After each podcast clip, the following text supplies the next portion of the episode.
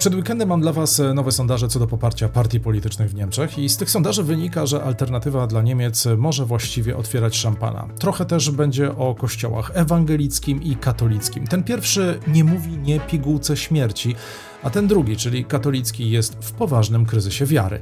Zbliża się długa i przygotowywana z wielką pompą wizyta francuskiego prezydenta w Niemczech.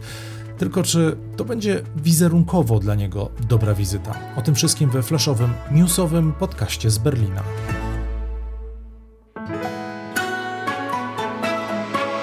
Plus 49 News. Zaprasza Tomasz Lejman, korespondent telewizji Polsat i portalu Interia w Niemczech.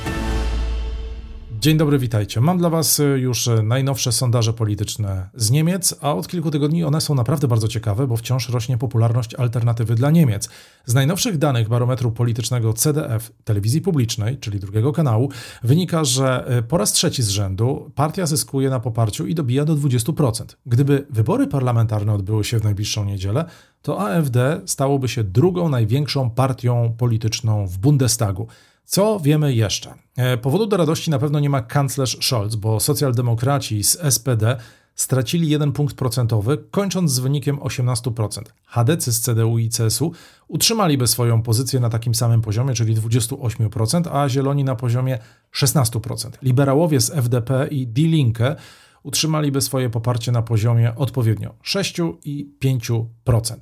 No i teraz przy tej okazji powiedzmy o ewentualnych koalicjach, które mogłyby się tworzyć, gdyby wybory odbywały się w ten weekend. I tutaj AfD ze swoim dobrym wynikiem rozbija cały system. Obecna koalicja nie miałaby szans na powstanie. Również wielka koalicja, czyli Hadecja i socjaldemokraci, tworząc ponownie rząd, tak jak już robiła to kanclerz Merkel, taka koalicja też nie miałaby szans na rządzenie.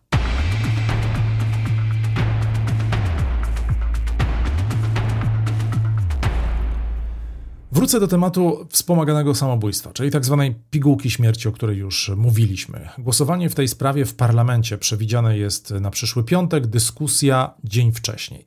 Całą historię i background możecie posłuchać lub też zobaczyć w wideo magazynie Plus 49 w odcinku drugim drugiego sezonu, a ten magazyn oczywiście na kanałach YouTube'owych Tomasz Lejman Polsat News, a także na kanale interia.pl. Ale dlaczego wracam do tego tematu? Bo głos w sprawie zabrał niemiecki kościół ewangelicki, który samej idei nie odrzuca. Dokładnie wczoraj opublikowane zostało oświadczenie w tej sprawie, a w tym oświadczeniu czytamy, że jeżeli człowiek zdecyduje się na wspomagane samobójstwo, to konieczne jest umożliwienie realizacji tej decyzji w ramach prawa. Ochrona życia ma pierwszeństwo, ale w sytuacjach granicznych należy uszanować wolę człowieka, czytamy w tym oświadczeniu. Przedstawiciele Kościoła podkreślili też, że żadna z instytucji i żaden lekarz nie powinien być zobowiązany do udzielania pomocy w samobójstwie. Zresztą żaden z projektów e, ustawy o tym nie mówi. Mówimy o tych projektach, które pojawią się w przyszłym tygodniu w parlamencie. Plus 49 News. Przy sprawach Kościoła zostaje, z tym, że chodzi tym razem o Kościół katolicki, bo przeżywa on w Niemczech niezły kryzys spowodowany m.in. skandalami z molestowaniem seksualnym. Kościół oficjalnie opuściło w ubiegłym roku ponad pół miliona osób. W Niemczech jest to możliwe, bo każdy, kto przynależy do Kościoła, płaci podatek i sądownie w bardzo prosty sposób z kościoła po prostu można się wypisać. Ale idąc dalej tropem tych statystyk, liczba apostazji w porównaniu z rokiem 2021 wzrosła o ponad 45%. Kościół przechodzi poważny kryzys y, i przyznają to w szczególności organizacje katolickie, które twierdzą, że Kościół po prostu nadużył swojego zaufania, zwłaszcza z powodu skandalu związanego z molestowaniem.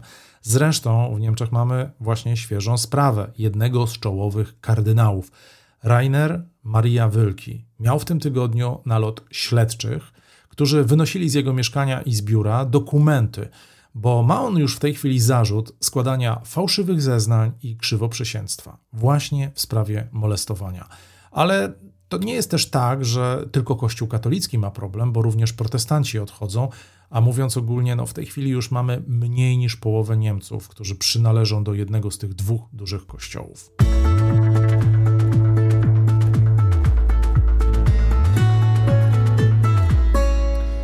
Niedzielę w Niemczech rozpoczyna się oficjalna wizyta francuskiego prezydenta Emmanuela Macrona. O tej wizycie mówię, ponieważ jest ona przygotowywana z wielką pompą. I zaplanowano tą wizytę na trzy dni, co rzadko się zdarza w przypadku e, europejskich przywódców, którzy Niemcy odwiedzają. Macron będzie na początek w Ludwigsburgu w południowo-zachodniej części Niemiec, gdzie spotka się z prezydentem Frankiem Walterem Steinmeierem. Potem przeleci do Berlina. Będzie także w Dreźnie. Ma zaplanowanych mnóstwo spotkań. Przyjmowany będzie właśnie przez prezydenta, będzie przyjmowany przez kanclerza. Tyle, że zastanawiam się, czy faktycznie ta wizyta będzie wyglądała tak, jak, tak, jak ją zapisano w agendzie.